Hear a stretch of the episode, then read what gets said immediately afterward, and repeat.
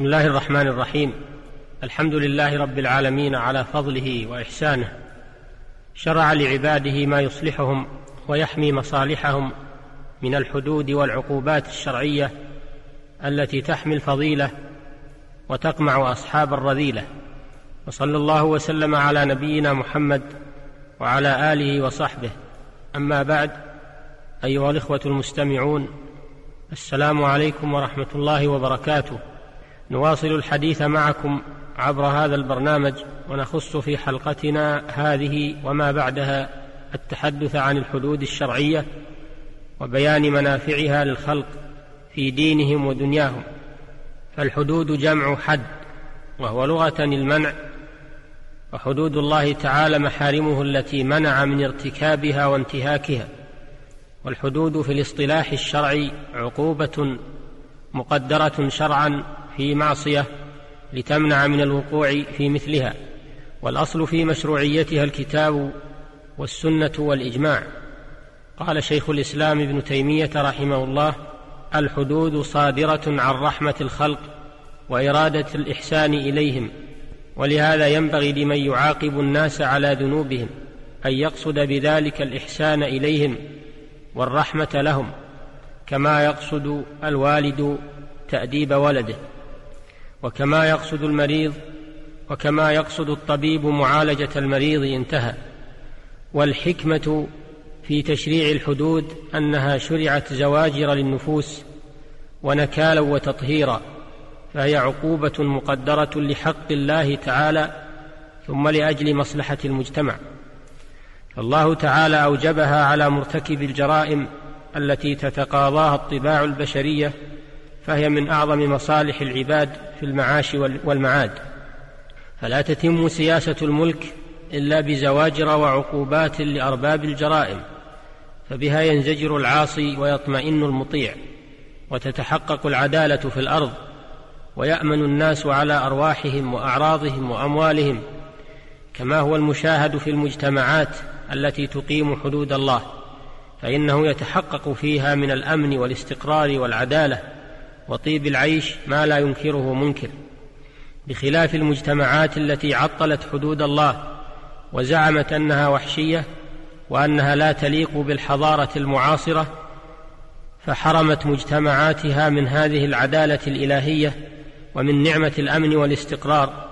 وإن كانت تلك الدول تملك من الأسلحة والأجهزة الدقيقة ما تملك فإن ذلك لا يغني عنها شيئا. حتى تقيم حدود الله التي شرعها لمصالح عباده. فإن المجتمعات لا تحكم بالحديد والآلة فقط وإنما تحكم بشريعة الله وحدوده وإنما الحديد والأجهزة آلة لتنفيذ الحدود الشرعية إذا أحسن استعمالها. وكيف يسمي هؤلاء المنحرفون حدود الله التي هي هدى ورحمة للعالمين؟ كيف يسمونها وحشية؟ ولا يسمون عمل المجرم المعتدي وحشية وهو يروع الآمنين ويجني على الأبرياء ويخلخل الأمن. إن هذا هو الوحشية حقا وإن الذي يشفق عليه أظلم منه وأشد منه وحشية. ولكن إذا انتكست العقول وفسدت الفطر فإنها ترى الحق باطلا والباطل حقا. كما قال الشاعر قد تنكر العين ضوء الشمس من رمد وينكر الفم طعم الماء من سقم هذا ولا يجوز تطبيق الحدود على الجنات إلا إذا توفرت شروط تطبيقه تطبيقها وهي كما يلي الشرط الأول أن يكون مرتكب الجريمة بالغا عاقلا لقوله صلى الله عليه وسلم رفع القلم عن ثلاثة الصغير حتى يبلغ والمجنون حتى يفيق والنائم حتى يستيقظ رواه أهل السنن وغيرهم. فإذا كانت العبادة لا تجب على هؤلاء فالحد أولى بالسقوط لعدم التكليف ولأنه يدرأ بالشبهة. الشرط الثاني أن يكون مرتكب الجريمة عالما بالتحريم فلا حد على من يجهل التحريم. لقول عمر وعثمان وعلي رضي الله عنهم لا حد إلا على من علمه. ولم يعلم لهم مخالف في الصحابة. وقال الموفق ابن قدامة رحمه الله هو قول عامة أهل العلم. فإذا توفرت هذه الشروط في مرتكب الجريمة التي يترتب عليها الحد الشرعي فإنه يقيمه عليه الإمام أو نائبه لأن النبي صلى الله عليه وسلم يقيم الحدود ثم خلفاؤه من بعده كانوا يقيمونها. وقد وكل النبي صلى الله عليه وسلم من يقيم الحد نيابة عنه حيث قال واغد يا أنيس إلى امرأة هذا فإن اعترفت فارجمها. وأمر صلى الله عليه وسلم برجم ماعز رضي الله عنه ولم يحضره. وقال في سارق اذهبوا به فاقطعوه. ولأن الحد يحتاج إلى اجتهاد ولا يؤمن فيه الحيف فوجب أن يتولاه الإمام أو نائبه ضمانا للعدالة في تطبيقه.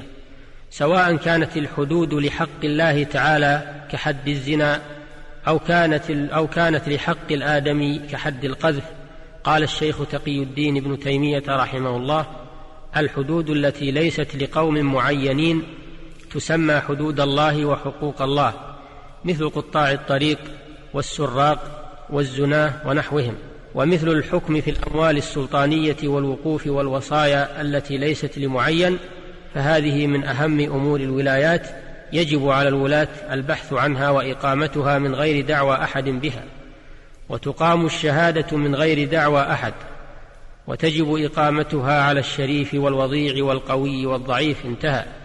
ولا تجوز إقامة الحد في المسجد وإنما تقام خارجه لحديث حكيم بن حزام أن رسول الله صلى الله عليه وسلم نهى أن يستقاد بالمسجد وأن تنشد الأشعار وأن تقام فيه الحدود.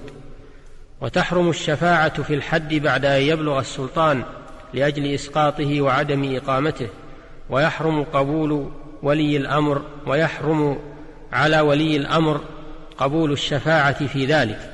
لقوله صلى الله عليه وسلم من حالت شفاعته دون حد من حدود الله فقد ضاد الله في أمره. وقال صلى الله عليه وسلم في الذي أراد أن يعفو عن السارق فهل قبل أن تأتيني به قال شيخ الإسلام ابن تيمية رحمه الله لا يحل تعطيله أي الحد لا بشفاعة ولا هدية ولا غيرها ولا تحل الشفاعة فيه ومن عطله لذلك وهو قادر على إقامته فعليه لعنة الله. وقال رحمه الله ولا يجوز أن يؤخذ من السارق والزاني والشارب وقاطع الطريق ونحوه مال يعطل به الحد لا لبيت المال ولا لغيره. وهذا المال المأخوذ لتعطيل الحد سحت خبيث. وإذا فعل ولي الامر وإذا فعل ولي الأمر ذلك جمع بين فسادين عظيمين تعطيل الحد وأكل السحت وترك الواجب وفعل المحرم. وأجمعوا على أن المال المأخوذ من الزاني والسارق والشارب والمحارب ونحو ذلك لتعطيل الحد سحت خبيث. وهو أكثر ما يوجد من إفساد أمور المسلمين وهو سبب سقوط حرمة المتولي وسقوط قدره وانحلال أمره. انتهى كلامه رحمه الله. فالجرائم لا يحسمها ويقى, ويقي المجتمع من شرها إلا إقامة الحدود الشرعية على مرتكبيها. وأما أخذ الغرامة المالية منهم وسجنهم وما أشبه ذلك من العقوبات الوضعية فهي ضياع وظلم وزيادة شر. وفق الله أئمة المسلمين للعمل بكتابه وسنة نبيه والحكم بشريعته إنه سميع مجيب والحمد لله رب العالمين وصلى الله وسلم على نبينا محمد وآله وصحبه. والسلام عليكم ورحمة الله وبركاته وإلى الحلقة القادمة بإذن الله تعالى.